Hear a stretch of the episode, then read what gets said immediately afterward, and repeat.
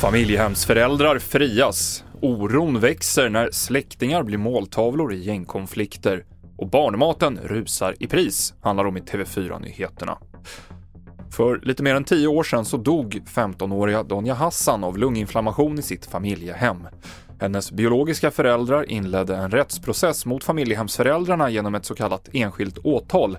Men idag så blev det en friande dom i tingsrätten som skriver att inget tyder på att familjehemsföräldrarna förstått att det fanns en allvarlig risk att Donja skulle dö om hon inte fick vård. Eh, åklagare och polis har ju tittat på det här men inte valt att gå in och eh, inleda någon förundersökning tidigare.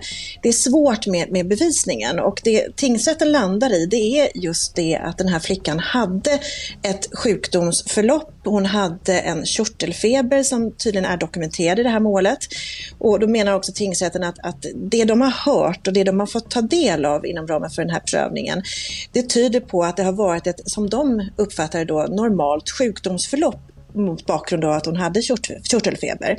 Och det innebär då att man inte har haft en medicinsk utredning eller någonting annat som, som gör att de här foster, eh, familjehemsföräldrarna då skulle ha fått någon annan indikator på att det var, att det var så allvarligt eller, eller liknande i det här sjukdomsförloppet. Och det var rättsexperten Johanna Björkman som kommenterade domen fortsätter med den växande oron för att kriminella gäng allt oftare ger sig på anhöriga till rivaler. Så sent som natten till i fredags sköts en man som enligt Expressen var anhörig till en medlem i Vårbynätverket ihjäl i sin bostad i Tullinge söder om Stockholm. Och natten efter dog två kvinnor i en lägenhetsbrand i närliggande Alby, något som polisen utreder som mord. Även de offren hade en Även de offren hade en anhörig med gängkriminell koppling.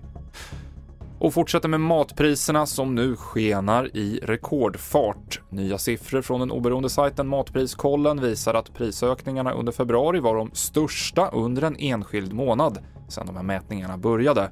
Bland det som ökat mest är barnmat, både burkar och klämmisar. Men även för djurmat, grönsaker, snacks och godis har priserna dragit iväg. TV4-nyheterna i studion Mikael Klintevall.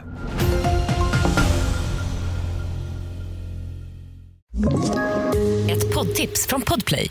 I podden Något Kaiko garanterar östgötarna Brutti och jag, Davva, dig en stor dos skratt. Där följer jag pladask för köttätandet igen. Man är lite som en jävla vampyr. Man har fått lite blodsmak och då måste man ha mer. Udda spaningar, fängslande anekdoter och en och annan arg rant.